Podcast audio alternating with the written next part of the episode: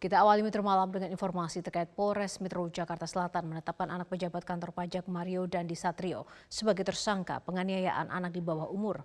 Pelaku sudah ditahan di Polres Jakarta Selatan dan terancam hukuman lima tahun penjara. Selain mengamankan pelaku penganiayaan, polisi juga mengamankan kendaraan yang digunakan Mario Dandi Satrio. Pelaku Mario Dandi Satrio merupakan anak pejabat kantor pajak. Sementara korban bernama David merupakan anak dari salah satu pengurus pusat GP Ansor. Akibat penganiayaan ini, korban kini tidak sadarkan diri dan dirawat di rumah sakit. Kapolres Metro Jakarta Selatan Kombes Pol Ade Arisham Indradi mengatakan penganiayaan berawal dari teman pelaku yang mengaku mendapatkan perbuatan tidak menyenangkan dari korban.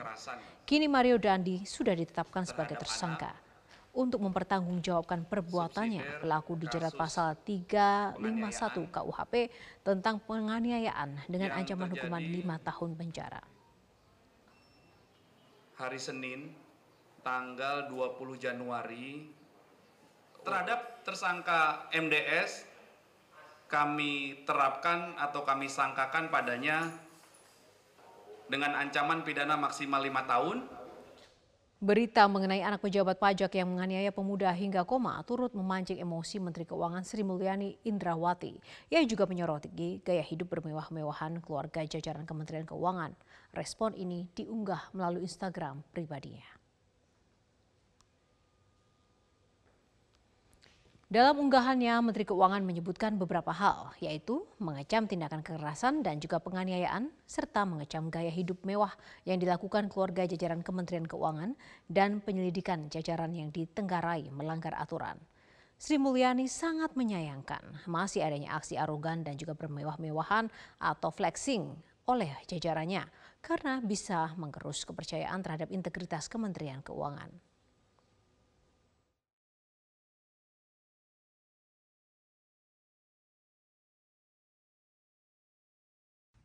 Kementerian Keuangan mengecam keras tindak kekerasan yang dilakukan oleh anak dari salah satu pegawai Dijen Pajak.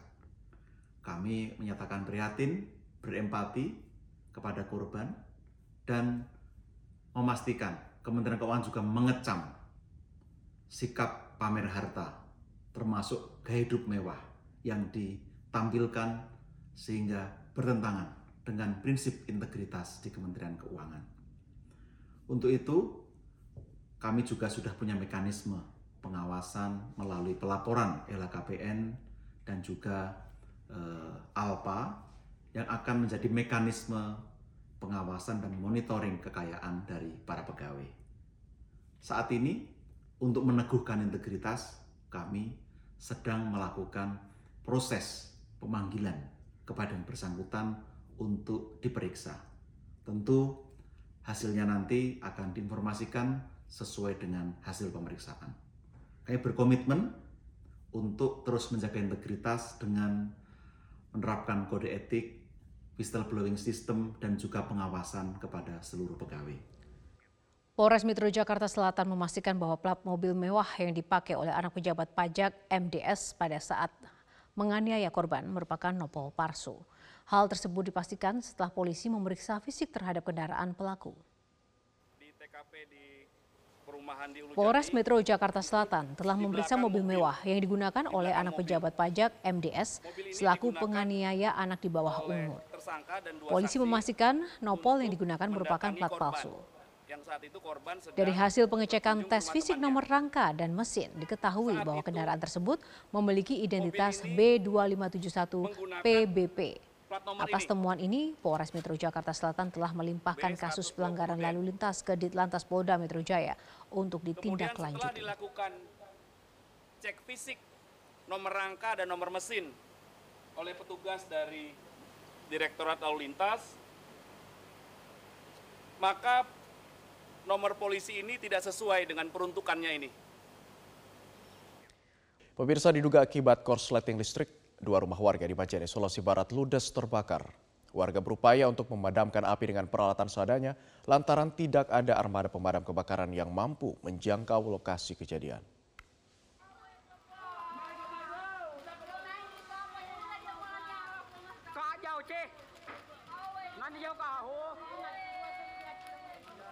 Pemirsa dua rumah warga di Tamerimbi di Desa Kabiraan, Kecamatan Ulumanda, Kabupaten Majene, Sulawesi Barat, ludes terbakar. Api dengan cepat merambat ke rumah lainnya akibat angin yang bertiup kencang. Kejadian ini membuat warga setempat panik dan berupaya untuk memadamkan api dengan peralatan seadanya.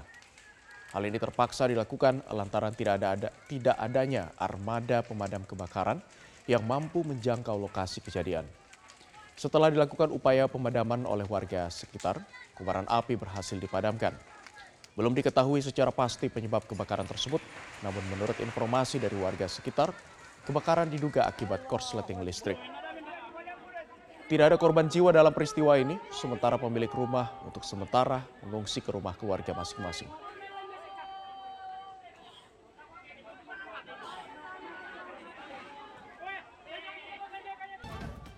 Pemirsa hujan deras disebabkan dan juga menyebabkan sungai Kemuning di kota Banjarbaru, Kalimantan Selatan meluap. Luapan air menyebabkan banjir sekitar 50 rumah serta harta benda warga hanyut terbawa arus aliran sungai. Hujan deras kurang lebih selama 4 jam mengguyur kota Banjarbaru menyebabkan sungai Kemuning kembali meluap. Jika dibandingkan tahun kemarin, luapan kali ini lebih parah. Air mulai naik sejak malam kemarin dan arus air semakin deras. Tidak ada korban jiwa dalam banjir kali ini, namun ada sejumlah warga yang mengalami luka ringan dan kerugian ditaksir mencapai jutaan rupiah.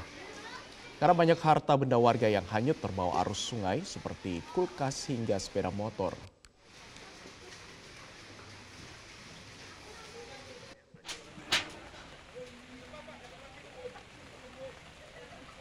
Sementara itu pemirsa hujan deras yang mengguyur kota Banjarbaru menyebabkan sungai Kemuning meluap dengan arus deras dan merendam sekitar 50 rumah warga. Selain merendam rumah warga, banjir juga membuat sejumlah barang berharga milik warga menjadi hanyut. Warga pun berusaha menyelamatkan barang yang masih bisa diselamatkan agar tidak terbawa arus. Menurut Ketua Rukun Tetangga setempat, banjir dengan ketinggian hampir satu meter ini merupakan banjir terparah kalau dibandingkan pada tahun kemarin. Tidak ada korban jiwa dalam kejadian ini, namun kerugian diperkirakan mencapai jutaan rupiah akibat harta benda warga yang hanyut terbawa arus air.